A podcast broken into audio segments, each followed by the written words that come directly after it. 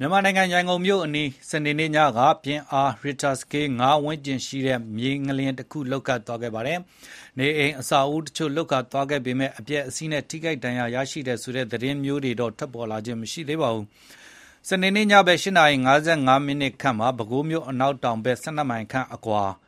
ကဘာအေး မြေငလျင်စခန်းကနေ အရှေ့မြောက်ဘက်28မိုင်ခန့်အကွာကို ဗဟိုပြုပြီး လှုပ်ခတ်သွားခဲ့တာ ဖြစ်ပါတယ်။အနက် မြေအောက်အနက်10ကီလိုမီတာ 6.2 မိုင်အနက်မှာ ဗဟိုပြုလှုပ်ခတ်ခဲ့တာဖြစ်ပြီး ပြင်းအား9.1 Richter scale ရှိတယ်လို့ မြန်မာနိုင်ငံ မိုးလေဝသနဲ့ ဇလဗေဒဌာနက ထုတ်ပြန်ထားပါတယ်။ဗဟိုပြုတဲ့နေရာဟာလည်း လှဲကူးမြို့အနီးစီစုံကုန်းလို့ အချို့မှတ်တမ်းတွေမှာ ဖော်ပြပါတယ်။မြေငလျင်ဌာ